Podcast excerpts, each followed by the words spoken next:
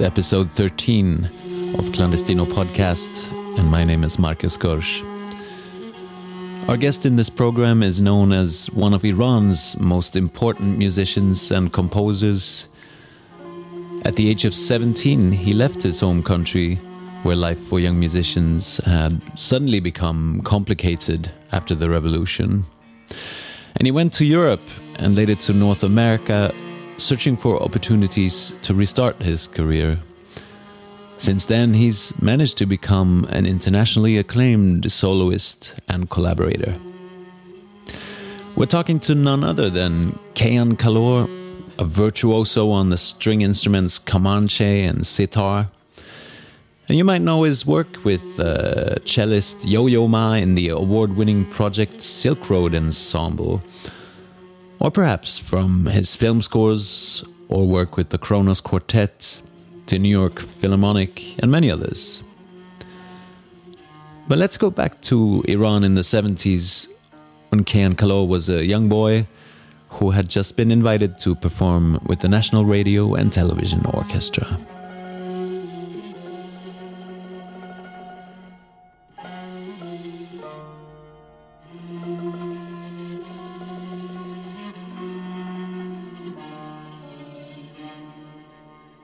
I um, started on Persian violin, and by the age of 12, I was invited to play in orchestra, in, in real orchestra that, you know, adult people uh, were in it.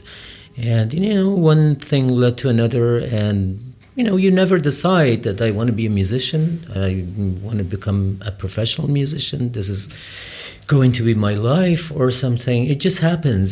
Uh, and uh, before you realize it, if you're in love with music, you know, before you know it, you're just in the middle of it, and uh, one thing happens, uh, you know, after another. You know, somebody likes your playing, somebody invites you, and then, you know, I think by the time that um, you're a teenager, you realize that this is going to be your life and profession, and you can't do anything else.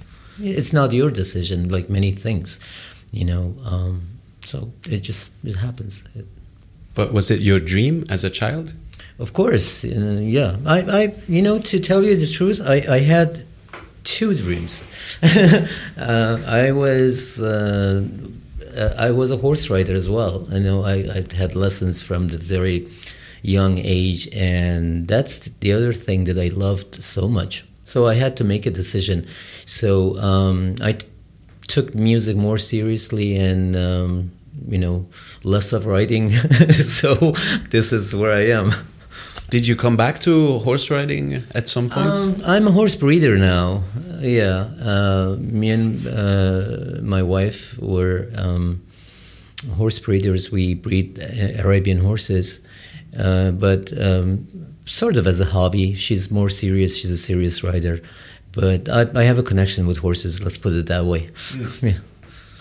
So you uh, you started playing professionally in an orchestra. You were 13, you said. Yes. Um, and things were just going upwards and you were becoming living your dream becoming a musician living yes. one of your dreams yes. but then as things were going well suddenly with the uh, iranian revolution everything changed right yeah that's the, that's an experience of lifetime and it's obviously everything changed and um, life became different if not difficult i'm just being optimistic so um, right after that, actually, I left Iran and I uh, I lived in a number of countries, and then I ended up in Canada, where I went to to music school, and got my music degree from Canada. I read that you walked by foot well, from uh, to to Italy. Is this correct? Are, those are confidential information. I usually don't reveal those, but well, it, it was difficult. Let's put it that way. Yeah. Then you ended up in Canada. Yeah. Uh, but I didn't swim from Europe to Canada. You know, I lived in Italy for a number of years before I got, uh, went to Canada and I went to school in Canada. And later on, I moved to the United States. I, I lived in New York, and then you know, up to this um, date, I um, you know I live in the United States as well. Mm. So what was what was it like to come to a different continent as a musician originally from Iran? As many things, as, as a musician, as a as a uh, teenager, you know, um, that just left family, and uh, you know, your world just collapses all, um, you know, all at once, all of a sudden. Um, you leave your parents, your home, your country, and uh, you meet, you know, different people. You have to learn different languages um, it was very challenging, but it was something that I wanted to do. So I didn't really suffer much. Uh, um, I think it took me a number of years to to uh, adapt myself and see, um, you know, where, what direction I was going to go and what I was going to do.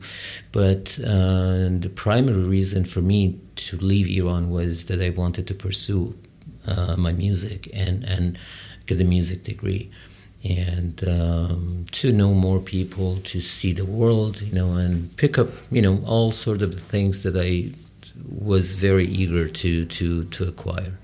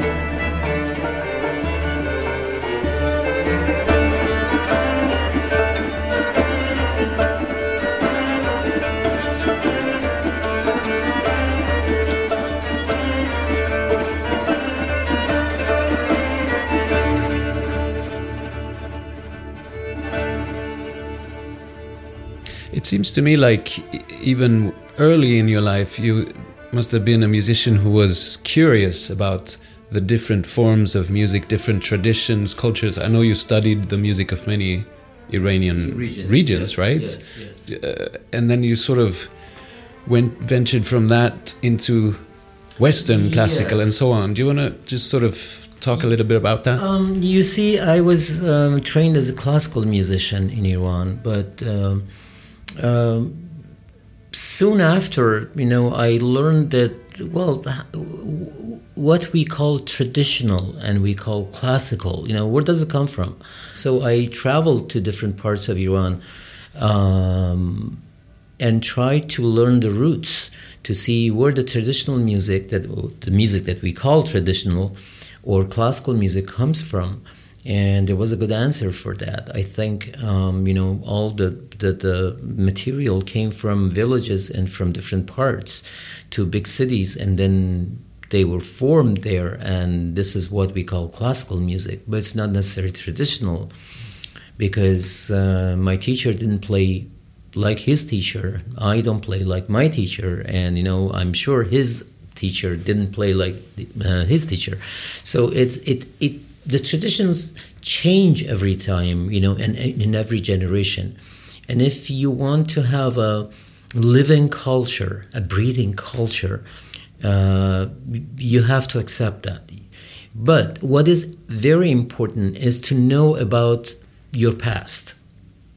You know, a musician that doesn't ha- doesn't know about uh, the history of music and what happened 100 years ago, 200 years ago, 300 years ago is not going to be a very good innovator because uh, you know innovation means doing something based on the traditions or something based on what already exists. And then you could put you could just push it um, you know a step forward. And that is acceptable by the music society and uh, the art society. So if we're not able to do that the tradition will die if you know everybody plays Mozart for the rest of their lives, and then if the next generation does that, you know. Um, that, that is subject to die, but it's nice to respect the old material and old, old entities but try to take it a bit further as well. I mean, it makes me think about like how language works. What yeah. you're saying now, yeah. that uh, you need to know all the old words, yeah. but then because the way we live in our society is constantly changing so we also had to invent new words. Yeah. So and, and it's a big collective invention that keeps going especially, and keeps going. yeah especially for the old languages. You know i come from the uh, the land of ferdowsi and rumi mm. and hafiz and omar khayyam and saadi you know all these great poets. Uh, we understand that poetry but we don't speak like that anymore um, they didn't have, you know, uh, factories, car, and technology. You know, they didn't they didn't need the words for those to describe those. We do. So we dif- we speak a different language.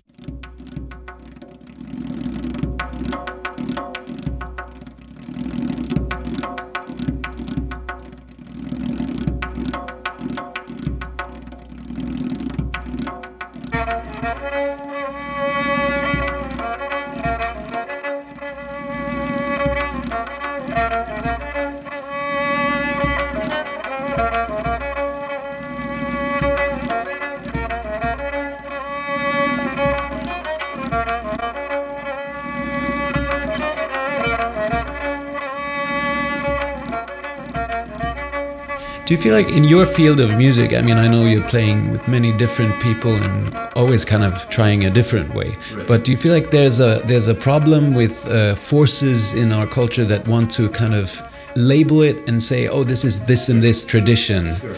and and kind of like kill it almost? Sure. Um, well, there are two different things. First of all, when I started to do this, there was a lot of labeling going on, and the industry first of all you know they didn't know what to label it. They didn't know how to you know in the old times there were cd albums. You know they didn't know where to put our albums. You know as simple as that. Is this indian music? Is it persian music? Is it classical? Is it what is it? You know nowadays i don't ha- I, I don't think we have that problem. You know the the, the labeling things it's solved and at, in that regard you know but of course, there are always people in your tradition, the mu- older musicians, that, that have a hard time to accept that. The other th- thing is that when you uh, enter other uh, criterias and other um, borders of, of culture, you realize that, wow, you know, we have a, a lot in common you know it's just you speak swedish you know somebody else speaks italian um, i speak persian you know as mother tongue somebody else speaks english but um, they're all languages. They have they all have nouns verbs you know ways to describe people you know. It's up to us how to use that language and mix it with another one if it's necessary. And because of our times in 21st century now we have to be open to that. You know, there's the technology is making this, the world very small, and uh, that requires a lot of um, uh, opening of our minds. And, uh, you know, due to my lifestyle and traveling a lot, you know, I, I, I, I don't see much difference between the people in the world. They're all the same and they all want the same thing. They all want um, security, um, a good economy, jobs, you know, health for their family mm, and for their children. There is not much difference between what goes on here and in Egypt or Zimbabwe or and I don't know Burkina Faso. So it's we're all the same. We're humans and we want the basic same things. Mm you know and i think you know now we're actually going far from our um, you know subject but i think the, politi- uh, the uh, politicians are just making problem and uh, create you know uh, a world that is very different uh, from what we, we have in mind. But people are simple and simple minded and they want the same thing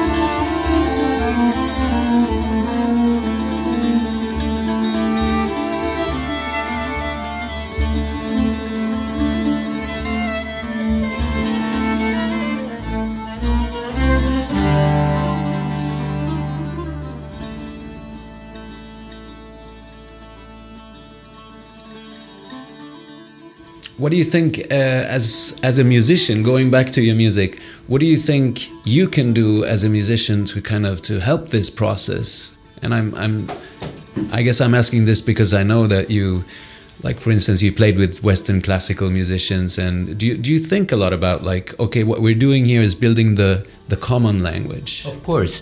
This is what I'm doing actually. This is the best way I found for myself to add to be an advocate of of culture um, I think one of the ways that we can um, address the problem is uh, to allow ourselves to be mixed with other cultures.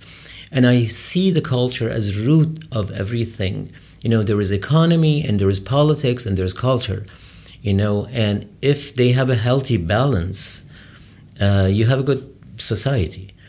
If um, the economy works, it helps the culture. The culture helps politics, you know, because then you you you you know you understand enough to elect good politicians. Uh, but I see them um, equally important in every um, accomplished society. Can you think of an example of uh, a place in the world where they they are close to this uh, sort of Swedish society. You're living in it. You know there is a healthy a healthy balance between culture, uh, politics, and economy. You know, um, you have good economy because you have good culture, and then the economy. Uh, feeds the culture. That's normally what you know. Culture doesn't uh, function without the economy. and There should be money to to to support the artist and arts. You know, you have invited me to play in a festival. You know, the budget comes from the politics side, you know, the, the economy side. And the economy side has elected, you know, the society side has elected the politics. So it's all hand in hand. What about Iran? Uh, we have a lot of problems in Iran. Um, you know, before the revolution, there was this. Um, you know, in in, in uh, the beginning of 20th century, um, the Middle Eastern countries and North African countries, you know, they all acted the same. They all took uh, uh, Western culture as as an example, and how they developed you know as you know as societies you know everybody thought that we have to have you know bridges um, highways um, buildings you know like high rises and factories and cars iran was not an exception and it took some time for people to think that the economy is not everything and uh, you know it has to be uh, it has to be connected to something else. Um, after the revolution, people were still preoccupied with uh, building politics because we had a new system, which to this day is not very successful. And um, the economy is not successful because our politics are corrupted. So the economy is highly corrupted. So there is no uh, it's not possible to have a healthy cultural section so um, in many of the countries of that region we see that they don't pay enough attention to the cultural part and they will pay uh, someday you know and because their young generation need to be educated about culture iran uh, obviously you know because of the historical um, um, situation, and because it's an old country, you know, old culture, you know, uh, we're living on, on, on, on our last supply of gas in the tank. You know, we culturally, culturally, because um, you know there are there, there, are a lot of artists. You know, good music, good cinema, good uh, poetry. You know, a lot of tradition of doing that, and in old arts and the new arts, you know, were adapted. But there is no help by the government. You know, every Iranian film that you see uh, in all these festivals that are, they're very successful, you know, they're they're made on personal budget. You know, and you know, in Iran, I have to rent a hall for myself to to sell tickets and play a concert. So this is a very basic way to, for, for, for cultural people to keep culture alive. But that that cannot go on forever.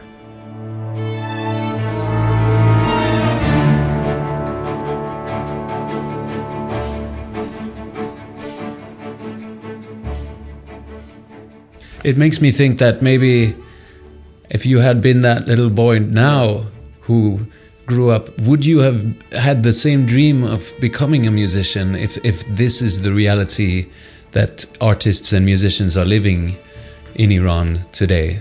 Well, if if I knew as much as I do now, maybe not.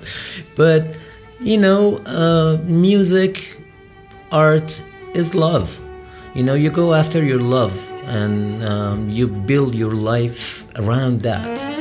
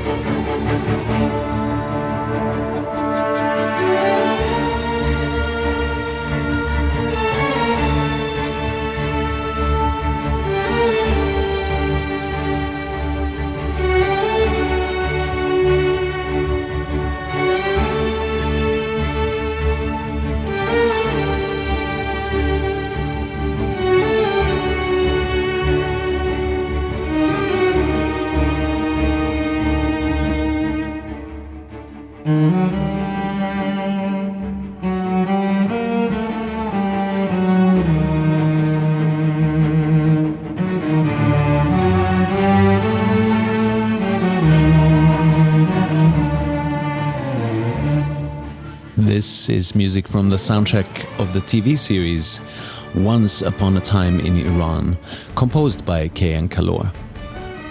And this podcast was brought to you by Clandestino Festival in Gothenburg, Sweden. Thank you very much for listening.